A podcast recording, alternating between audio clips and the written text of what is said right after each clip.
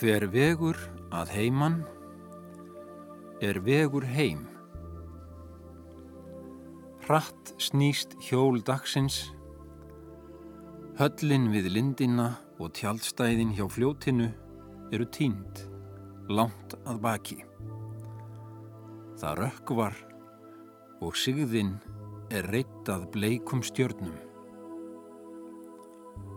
Hamraklifin opnast, hrímgrá og köld, blasir auðnin við. Öks stjarnana hrinja, glókvít í dögt grjótið og þungfæran sandin. Laung verður nóttin, nöturleg og dimm. En handan við fjöllin og handan við áttirnar og nóttina rýs törn ljósins þar sem tíminn sefur. Inn í frið hans og draum er förinni heitið. Sigurður Skúlason leikari flutti ljóð Snorra Hjartarssonar Ferð en þaðan er sóttur títill þessarar þáttaraðar Vegur að heiman er vegur heim. Í þessum fyrsta þætti hugum við að Ísletingum fyrir tíðar og þá sem flóttamenn og innflytjendur til annara landa.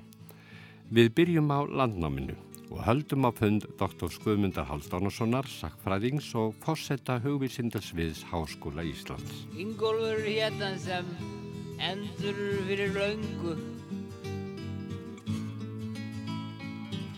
Ísaland vann og naf og bjóð sér þar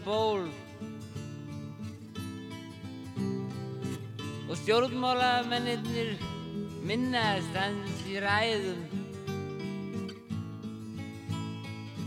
og menn geta séð hvar hann stendur upp á Arnar hól En hvað er það sem vendar viðkomu landans?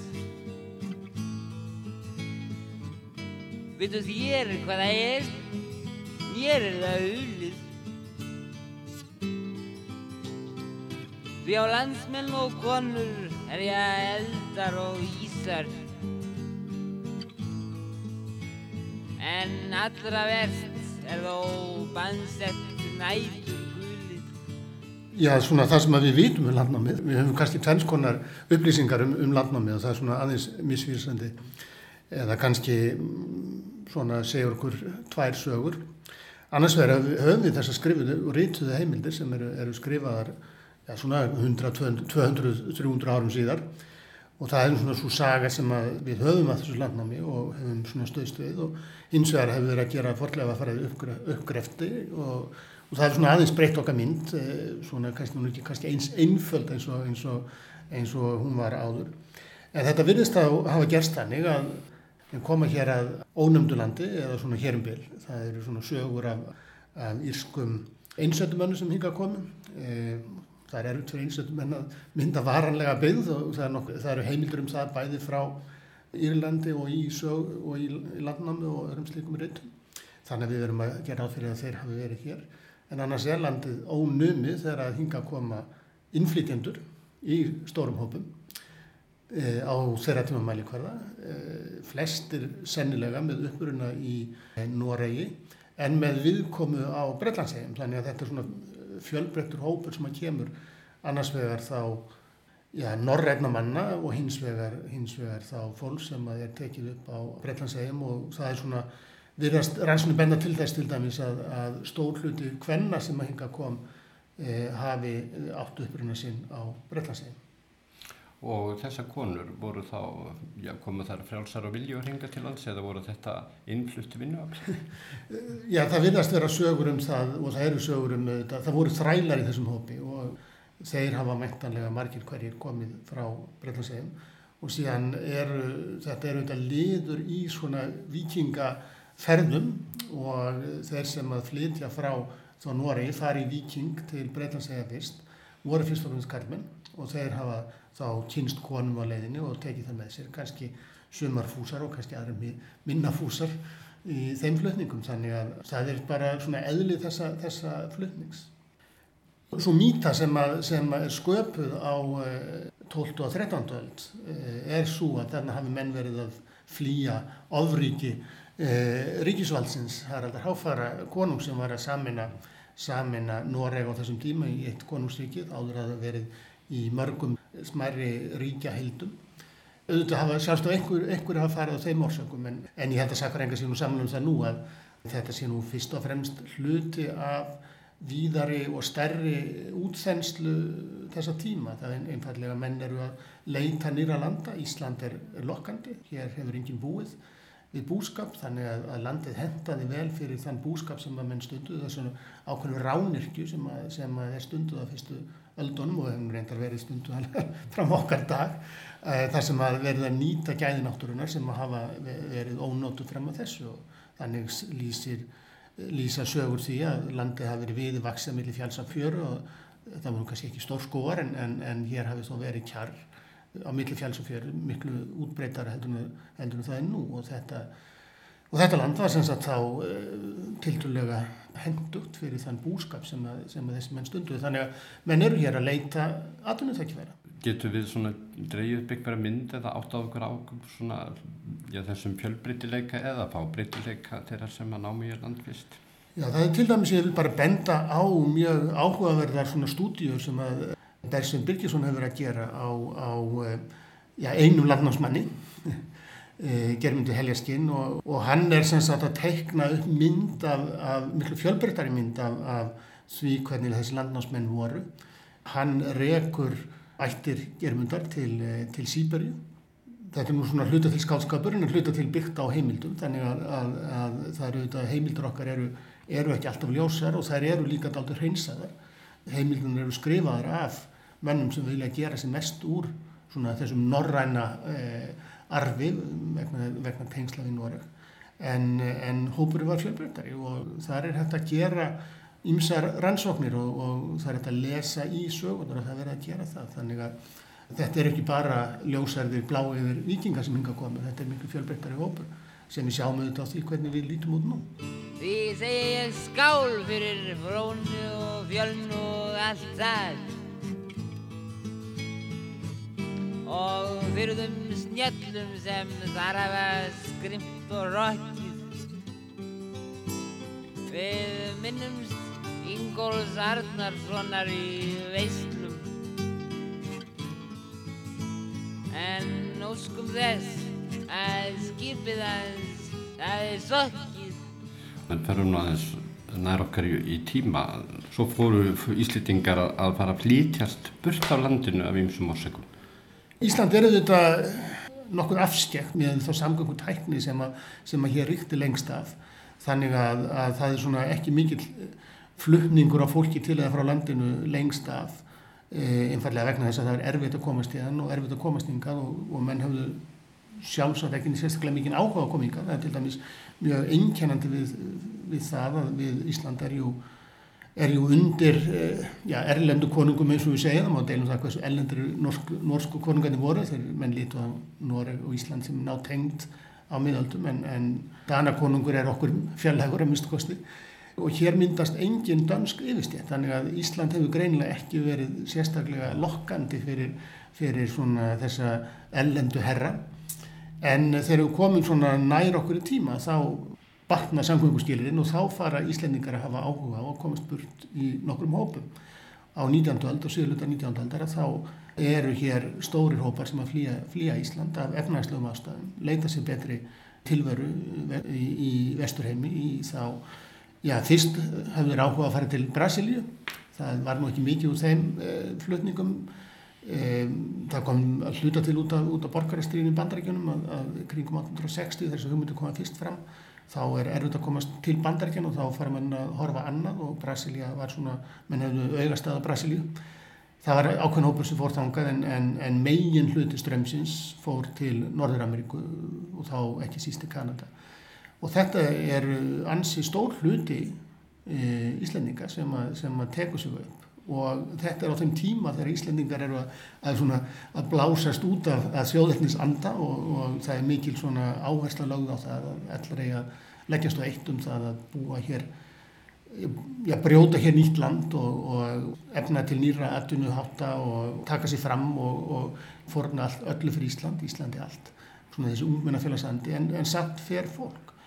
Og það segir okkur það bara að, að það er svona við getum sagt að það tójist á í mannin þess að tvær kendir að annars vegar að, að vilja skapa sér heimil og einu stað en maðurinn er hvort ekki sens skefna sem vil búa á sama blettinum en líka það býrinu líka út frá þannig að þetta tókast á í okkur að, að útrána vilja fara út og hins vegar svona þessi vilji til þess að, að helga sér einhvern reyt sem er okkur heimili. Og, og á 19. þá, þá sjáum við þetta svo, svo vel vegna þess að, að Íslandingar eru sem sagt að með miklar hugmyndur um hvernig það er að breyta þá þessum reyt sem við búa á að gera Ísland byggilegra og skapa hér nýja tilveru um leið er fólk að fara að leita sér nýja tilveru annar staðar Þannig að þetta er svona ákveði tímabil sem við getum satt sem svona breytingaskeið í íslensku samfélagi við lok 19. aldra upp að þeirri 20. Þegar því svona breytingaskeiði líkur í, í, í fyrir heimstyrjölda þá, þá hætti Íslandingar að fara í þessum stóru hópum. En Íslandingar hafa alltaf farið og, og kom alltaf til með að fara og að koma. Sko Íslandi hefur aldrei verið einágra landið það hefur alltaf verið í tengslum um heiminu og fólk hefur að koma og fara. En það er svona svolítið háð í bara hversu öllvöld er að koma og fara uh, hversu margir gera Guðmundur Haldánarsson sakfræðingur myndist hér á hinn að svokölluðu Brasilíu fara Luciano Dutra fættist og ólst upp í Brasilíu en hefur búið á Íslandi um langt ára byll. Hann kom hingað fyrst vegna áhuga á íslenskri tungu Það var ekki fyrir enn hann kom til Íslands sem hann heiliði um að hópur Ísletinga hefði flust búferlum til Brasilíu. Við myndum kalla þá efnahagsflóttamenn ef við værum að tala um þá sem útlitinga að flytja hinga til lands í dag.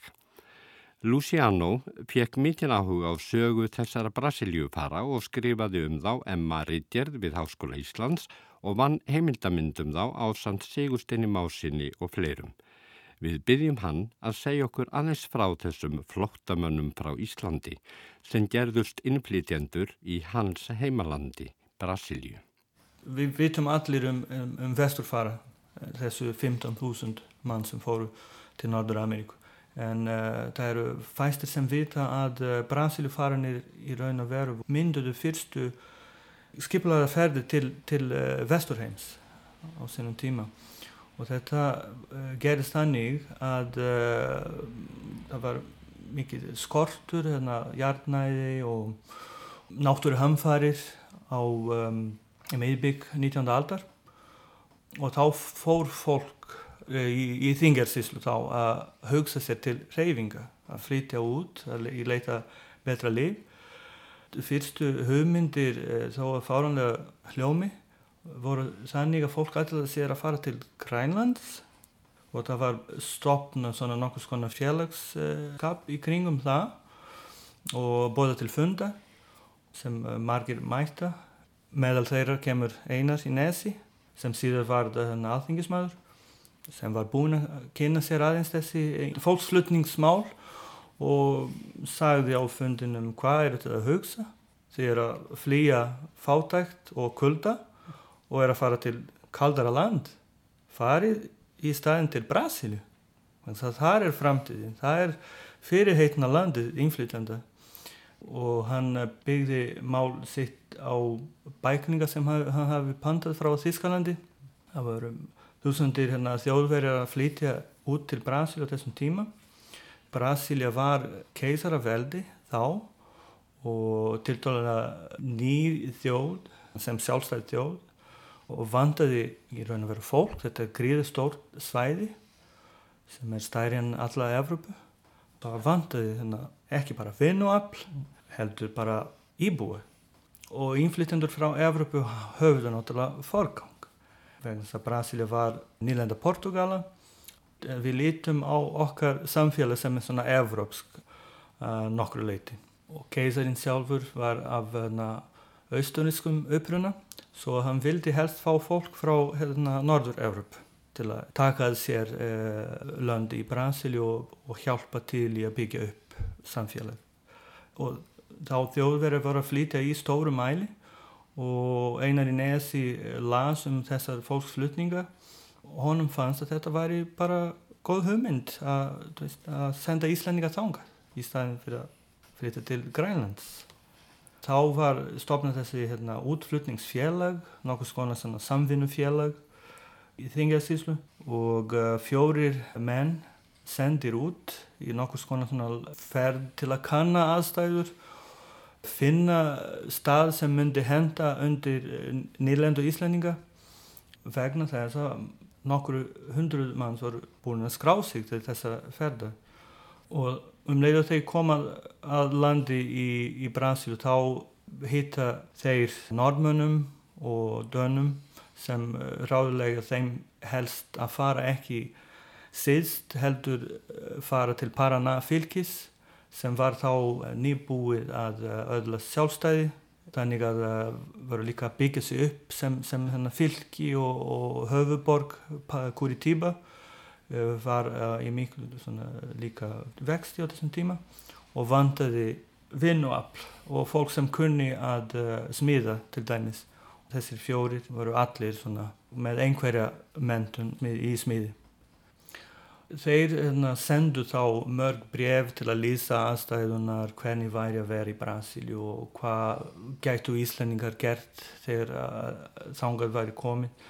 Og jú, fólk áfram að skrá sig og, og, og gera sig líklega til að fara út en þá var spurningum hvaða leið uh, þessir eh, fjórmenningar fóri gegnum Þískalandi en uh, vegna þess að það voru svo margir sem all sér að fara þá kom upp svo hugmynd að panta skip frá Noregi eða frá Danmörku til að koma til uh, Akureyrar og sækja fólkið. Þetta var að loknum að stór klúðri og þetta skip kom aldrei og fólk beigð og beigð búin að selja aðlegu sinna og segja upp störfum og bara gera sig tilbúna til að fara út og og svo kemur skipið ekki. Og það var svo mikið vonbreyð og flestir þá hætta við að fara þangað. Og nema nokkrar fjölskyldur, þrjóskar fjölskyldur sem tíu ár síðan ákveða að fara á, upp á eigin spýtu. Og fyrst til Kaupmannahafnar og þaðan til uh, Þískalands og í Hamburg taka uh, fara þeim um bord í, í skip sem uh, flutti þau allaveg til, til Brasíli. Síðar í hópur þá verðum við að tala um árið 1873 og fjórmenningarnir fóru árið 1863. Svo að þetta eru einmitt fyrstu hérna vestur farar eða söður farar öllu heldur íslendingar. Luciano Dutra að segja okkur frá Brasilíuförunum. Þeir hurfu fljótt í mannhafið í Brasilíu og tindumóðumálinu og sögursinni. Luciano getur ekki fullirt að um æðar hans renni ekki Íslands blóð því engar sagnir eru til og hvað þá skráðar hverjir eru afkomendur íslettingana sem fluttust til Brasilíu á ofanverðri 19. öld. Öðru máli gegnur um íslettingana sem fluttust til Norður Ameríku. Þeir voru duglegir að halda hópin og halda við móðumáli sínu og sögu. Eins hafa íslettingar á gamla fróni sínt þessum ættingum sínum æg meiri áhuga og ræktarsemi. Við höldum nú að fund Fridriks Þós Gumundssonar bladamanns sem leitaði upp í slóðir afabróður síns Jakobs Bjarnasonar sem pjekk viðunefnið Big Jake í henni Ameríku. Já, nú vil ég rita heim tú jú eitt lítið letters bref því mig langar til að segja eitt við þig. Það er langt síðan jú sí að ég á penna haldið hef en ég held þú undir standi skiljir mig. Það er ofrætt hjá mér heilsan og þótt sjálfur segja frá er ég sæmilega monni aður því að ég þjena marga dal á hverjum degi djóppi hjá sem við Davís bræðra félagskompani. Það var sorgarlegt að heyra hvernig kærastinn þim fór, að þeir killuðan og sendan bentu hel. Þó hann gengi land og fær eitt kvöld með gangsterum á þjór, en það gerist margt í Liverpool, jú vel. Og af því var ég að hugsa um þegar nú það gaml er glemt að ég gerði rétt að byggja þig frá mér. Að þú kæmir hingað vestur því þann drömmig hefur dreymt, vel og dreng babyið hans má fylgja þér. Þá er það um 1995 að uh, ég ákveða að vinda mig í það að fylgja eftir áhuga mínum ættfræði og uh, heldi mér í niðjatöl og slikt uh, fyrir mína ætt og uh, þá náttúrulega uppgötuðast alls konar eigður sem ég hafði áhuga á því að fylla upp í og sagt finna út hvað varða fólki meðan annars ekki síst þeim hluta ættarinnar sem flutti til vesturheims eins og margir gerðu á þeim tíma þar að segja 19. öld og eitthvað fram á 20. og þar, þeirra á meðal er, var spurningin um afdrif Jakobs Bjarnasonar uh, stórsmanns uh, vel yfir 2 metra sem uh, flutti til Vesturheims og með litlu sýtti sína í kjölfari þar að segja hún flutti út til hans og uh, það gekk nú ekki að finna uh, vel út af því hvað var það af Jakob og sýstur hans fyrir en ég fór bara til Seattle uh, heimsækja bróður og fleiri ættingja um 2002 raun og veru. Og fer þá í söpn þarna og fylgi eftir samskiptum við fólk um þessi hluti. Að þá sem sagt fann ég hans uh, þannig séð. Uh, meðan hans fann ég hann þannig að ég uh, gróð upp hvað hann var grafinn fór þar og það gekk ítla að finna gröfinast því að amerikanar af einhverjum óskiljanum ástafum kjósa að hafa leggsteinuna sína flata í mörgum kirkjugörðum og það grefur yfir þetta og Jakob frændi minn hann var sannsagt allar tíð þó að jarðaföru hans hefði verið veglega á sínum tíma þá, þá var alltaf allar tíð bráðabyrða flatur stein og hann var horfinn sannsagt en með aðstóð starfsmanna kirkjugararins tókst okkur að finna þennan stein og grafa hann upp þar að segja gera hann sínilegan aftur.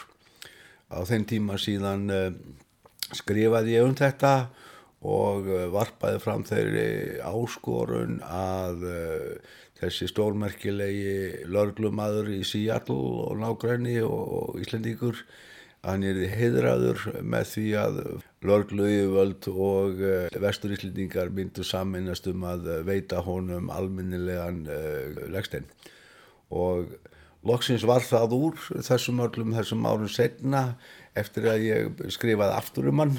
Þá kviknuðu upp einhverjar, einhverjar tilfinningar hjá uh, uh, fleira fólki þarna úti sem greip tækifari og ákvað að verða við þessari ósk og áskorun.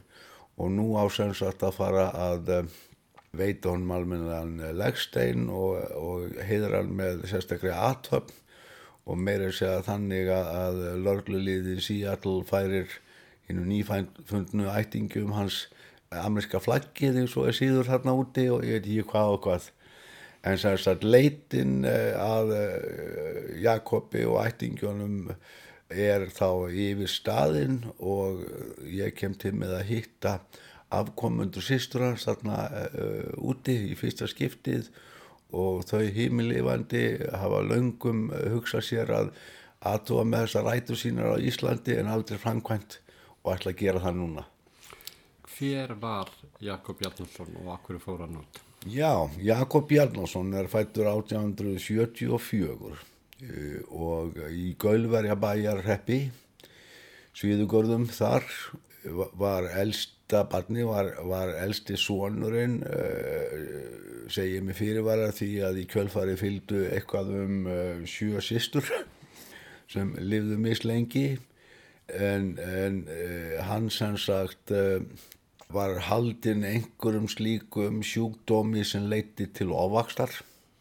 Þetta er sem sagt um, eitthvað skonar galli, litningagalli eða eitthvað slíkt og uh, hann sem sagt bjó hér fyrstu 20 árin sín og fór meðal annars í uh, lærðarskólan uh, nei fyrir auð það mun hafa verið hólaskóli og lærði þar að kenna og byrja hóf kennslu en af einhverjum ástæðum árið 1900 ákvaðan að freysta gæfunar í, í Vesturheimi Þetta er náttúrulega nokkru eftir að, að megin bilgja Íslandinga til Vesturheims er lokið en uh, hann hefur sjálfsagt að ætla sér að ávita einhver ævintýra og fór til Seattle en á þessum tíma þá fór eiginlega allir Íslandinga beint yfir á, á vestuströndina í, í bandaríkjunum á Kanada. Menn voru hættir að fara til Winnipeg og heldur lengra. Go West Young Men Hann fer sem sagt til Seattle, nánar tiltekis Ballards sem þá var sjálfstæð sveitafélag en, en saminnaði setna Seattle eh, en megin þorri Íslendinga var aðeins norðar í, í bæjónum Bellingham og Blaine og, og, og talsvert af Íslendingu þar. Fljótlega eh, eftir að hann eh, er farin að sjást þarna í, í Ballard eða Seattle þá sjá menn uh, hag í því að bjóða honum í lörgliðið og, og hann munstrar sér í lörgluna og er, er þar síðan allar götu til andláts 1927 eða sem sagt í rúman aldar fjörðung og á þeim tíma tekst honum að gera hálgjörða góðsögn úr sér ekki bara sög, sögum þess hvað hann er stór heldur var altalað og margar frásagnir í þarlendum blöðum um hans háttu við lörglustörf að hann taldi enga átt að þess að lappa um með, með bissu hann let kilvuna duga og djúpa bassaröld sína sem hann saði að hann geti leikt út sem þokulúður ef á þýrt að halda. Nú, og sem sagt honum uh, tekst má saman að, að uh, ávinna sér uh, virðingu og dómara og lörglumanna og verður sergeant sem ég kann ekki íslenska heitið á svo sem en en til marksum uh, það álit sem á honum var þá, þá þegar hann fjall frá þá, þá var uh, jarðaförun sótt af um 2000 manns sem mun hafa verið fjölmennasta jarðaför sem þar hafi farið fram. Og uh, hún proppfull af, af uniformklætum sem sagt lörglumannum og mikil viðhöfn en það gleindi síns vegar leggsteinin sem sagt. Úr því skal bætt nú. En þetta var sem sagt íslensku sveita drengur sem, eh, sem eh, var ekki svo sem öðruvísi íslendingur en að íslendingar nema fyrir þá sög að vera svona stór nánar tiltekið, það er ekki hægt að finna eina ákveðnar tölu. Það eru ykkur ólíka frásagnir um nákvæmlega hversu stór hann var. En miða við eh, alla fórsendur sem ég skoða þá tel ég ástæðilega að haldan hafi verið um 22 og kistalans var allkjent all 227 og ef maður gefur svona eitthvað rými fyrir höfuð og undir fætur þá, þá held ég að 220 sé rýmileg áallin hvað skal segja meira um hann? Uh, hann hérna einhendi sér í að vera íslendingur á þessum slóðum. Þar að segja Jújú, jú, menn aðlöðuðist þarna en eh, menn lögðu mikla áherslu á að viðhalda íslenskri tungu og íslenskri menningu. Hann uh, var fljótt uh, meðlimur í stjórn vestra Íslandingafélagsins þarna og uh, í rítstjórn og rítstjóri Íslandingaritsins á staðunum Geisis og ykkur þessi auðvita kirkjúsöfnur og kirkjúkór sem höfðaður að því er viljast miklu meira til vestur Íslendinga heldur en Íslendingana sjálfur heima fyrir slíka ástundun. Hann um, hafði mikinn áálaði mikla áherslu að, að rita um og að viða sér allt sem var íslenskt og þau þarna úti. Mikil áherslu á að gefa út blað sem var á, á góðri uh, íslensku og uh, haldið upp á hérna íslensku ljóðin auðvita uh, og íslendingasagninnar allar og að má geta þess að þegar hann uh, finnur fyrir aðkenningu sem var hjarta áfallið sem leitandi dauða þá var hann að skrifa grein sem rýstjóri geysis og var í, í miðri setning og miðju orði um þá ósvinnu að normenn var að reyna að egna sér leif hefna að hann stendur upp og fer á klósettið hjá sér og byrjar að raka sig uh, líklega í þeim tilgangi að fara til læknis en uh, sýstir hans og, og ráðskonar sem er út í garði heyri ding og það er þá hann uh, að detta á gólfið upp á klósettinu og er sem sagt búin að kveðja þennan heim hugsandum leif hefna og tilraun normanna til að stela honum. En nú hætti ég með óskum að þú skulir vera skjót til að skrifa mér og adressan hún sér. Mr. Charles P. Anderson, 604B Main Road, Person City, Indiana, USA. Friðrik Þór Gvumundsson sagði okkur frá ömmubróður sínum Jakobi Bygg Djeik Bjarnasinni sem fluttist um þar síðustu aldamót til Vesturheims og gerði þar gardin frægan í lauruglinni í Seattle. Í þjóðminnarsafninu stendur nú yfir síningin Ísland í heiminum, heimurinn í Íslandi. Um síninguna segir Saga og samtími Íslands hefur einkennst af þver þjóðlegum tengslum rétt eins og annara landa í heiminum. Ísland hefur þannig verið vettvangur reymanleika fólks og hugmynda í gegnum aldir. Við förum á fund annars meginhöfundarsýningarinnar unnar Dísar Skaptadóttur, professors í mannfræði, til að heyra um megin temu síningarinnar, þverð þjóðuleg tengsl á Íslandi í samtíma og sögu. Við lítum svo ofta þannig á að í dag lifum við í þerrþjóðlegum heimi þar sem, sem er mjög samtengdur gegnum tölvu, gegnum internetið og mikil ferðalög og við lítum ofta þannig á að það hafi mitt ekki verið þannig áður. En ef við skoðum fortíðina út frá þessu sjónhörni, sem sagt út frá þverþjóðlegum tengslum, þá sjáum við að Ísland hefur verið hluti af, af stærri heimi gegnum aldirnar. Bæði voru við hluti af stærri ríkjum, við vorum sagt, ekki sjálfstæði, við vorum hluti af stærri ríkjum og fólk fór til annar landa, Íslandingar sildu til annar landa, bara það að vera sildur, tengist því. Og síðan vorum við náttúrulega með franska sjómenn sem kom hingað, við vorum með danska kaupmenn, þannig að við eigum langa sögu fólk sem hefur flutt til landsins eða komið tímabundið og síðan eigum við líka nokkra sögu Íslandinga sem hafa flutt til annar landa, bæði lengra í fortíðin og líka á síðustu öldum þegar Íslandingar sóttu sem menta til dæmis til Danmörkur sem var mjög algengt. Og, og svo í setjum tíma auðvitað vestufararnir sem fór til Brasilia og fór til Kanada, Norður-Ameríku. En svo líka ennþá næri í sögunni fólk sem flutti til dæmis til uh, Luxemburgar, það var stór hópur Íslandingar sem flutti þangað, við hefum langa sögu Íslandingar sem hafa flutt eiginlega bara alla síðustu öll sem flyttu til Danmörkur. Ekki bara vegna náms, heldur líka vegna vinnu og til að skapa sér betra líf. Þannig að við eigum langa sögu svona ferðþjóðlegra tengsla þó svo að það sé kannski meiri engina meiri nútíman þessi miklu tengsl.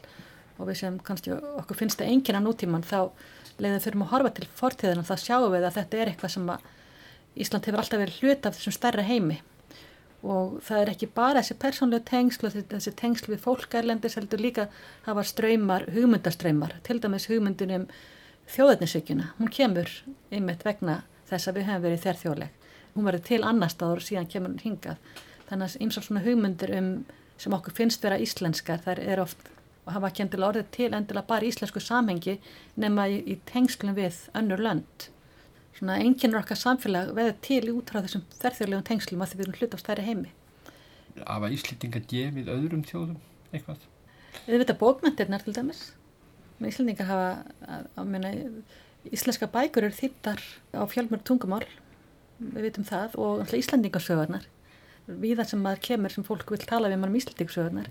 Þannig að við erum svona, við erum svona mikið hlut af þessum stóra heimi, þó sem við séum lítil, sko hversu mikið hefur þjóðfélagið sko tekið í sig af ellendri hugmyndafræði og hversu mikið hefur það gefið eða ríkt samfélagið hefur eitthvað skoðað það?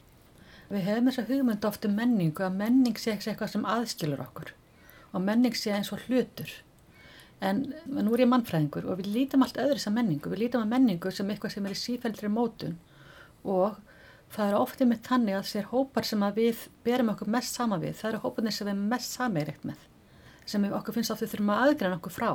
Þess vegna berum við ofta okkur miklu meira saman við til dæmis Norðurlöndin heldur en segjum Brasilíu, skiljur við, við berum okkur meira saman þar sem við þekkjum en sem við eigum oft miklu meira samilegt með sambandi menningu. Og leiðið fyrir að skoða menningar þætti þá er svo oft erfitt að draga mörkipítu hvar endar okkar menningu, hvar byrjan annar hvað er það sem að aðgrunur okkur, Minna, er það maturinn, er það tónlistin, er það, það daglega lífið, er það hvernig við klæðum okkur, hvað er það í menningunni sem aðgrunur okkur. Þetta á Íslandi bendi ofta á tungumálið en það er mörg önnur lönd sem hafa samilega tungumál með öðrum menningarheimum, eða sem sagt með það tala til dæmis ennsku eða spænsku þannig að það er ekki alltaf tungumál þá draga þau fram eitthvað annað sem þau draga hringin einhvern veginn kringu sína menningu þannig að ég held að íslensk menning eins og er í dag, hún alltaf ekki væri ekki til nema því við hefum orðið fyrir eins og hún er, sagt, nema því við hefum áhrif frá öðrum menningaströmmum. Menna bókmyndur okkar, listirnar, þetta er allt mótað af samskiptum við, við aðra, við menningarströma. Og þetta á saman við fræðin, við erum ekki að gera eitthvað íslensk fræði, við erum að rannsaka spurningar sem að skapa þekkingu, vístræð þekkingu sem er ekki meint íslensk, hún er alþjárleg en við sköpum ákveðna þekkingum Íslands samfélag út frá þessu stóru spurningu sem maður er að spurja í vísendunum. Þannig ég held að sé erfitt að aðgrina menningu á þennan hátt, veist hvað ég ávið. Spurði Unnur Dís Skaptadóttir, professor í mannfræði við Háskóla Íslands. Á háskólalóðinni eigum við enn stefnumóti við Guðmund Haldánarsson, professor í sakfræði, Við leifum honum að eiga lokaordin í þessum fyrsta þætti þáttaræðarinnar vegur að heiman er vegur heim. Finnst því stildingum ég vil sjálfsagt að það sé vel tekið á mótið þeim þegar þeir flytja til nýra heimkina? Já, það, það er þannig að, að Íslandingar líta yfirleitt ekki á sig sem innflytjendur sem er búið einhver stannar staðar. Þannig er ekki orðræðan um, um Íslandi. Minnist þess ég gerði svona smá könnun fyrir nokkurum árum um svona umræðum umflýtjandamál, eh, það var 2007 í kjálfar eh, svona ákveðna umræðina sem urðu vegna eh, þess að eitt stjórnmálaflokkur sem frjálslindflokkurinn sem þá var vildi gera svona svolítið út á það að hérna voru komið mikið af sérstaklega pólverum, verkafólki á svona síðustu dögum bólunar og þeir hafði áhyggjur af því að þetta myndi stopna íslensku þjóðurni í hættu. Og ég minnist þess að í ein, einni bloggsíðunni þá skrifar kona eh, þar sem að hún leggur í áherslu á að og þakkar fyrir þetta framtakflokksins og segir Íslandinga verið vara sig á að falla í sjömu grifjur og Norrlandabúar Eh, með því að hleypa svona mörgum innflytjandum inn og þetta er kona sem að Íslandingur sem bjó í Nóri þannig að hún sá greinlegt íróníuna í þessu að hún sjálf var innflytjandi en var svona vara við innflytjandifólks eh, til, eh, til Íslands. Þannig að ég held að við okkur hætti til eða, eða við höfum tilningu til að líta á Íslandingar sem svona þessa jákvæðu innflytjandur sem að við erum bara að leita nýra tækifæra og það er okkar réttur, það er okkar borgarar réttur að fá að flýtast til annara landa og, og, og njóta þeirra tækifæri sem þau land bjóð upp á. Sagði Guðmundur Haldunarsson. Í næstu tveim þáttum likur leið okkar til Akureyrar. Fjórar fjölskyldur á flókta frá stríði í Sílandi komi til Akureyrar frá Líbanon 19. janúar 2016. Hafðu dvalið í Líbanon í þrjú til fjögur ár. Þau komu frá mismunandi stöðum í Sílandi og þekktust ekki áður en þeim var bóðið að koma til Íslands. Þetta voru 23 einstaklingar á öllum aldri. Síðan hafa tvö börn pæðist í fjölstíldunum. Nú í januar var ákveð að taka móti einni fimmanna fjölstíldu til viðbótar vegna fjölstíldu tengsla við eina fjölstílduna sem kom árið 2016. Í næstu tveim þáttum verður fjallaðum þetta verkefni Akureyrabæjar, rætt við fjölmarga sem komu að verkefninu frá ymsum hliðum og ekki síst nokkra af sílensku flótamannunum.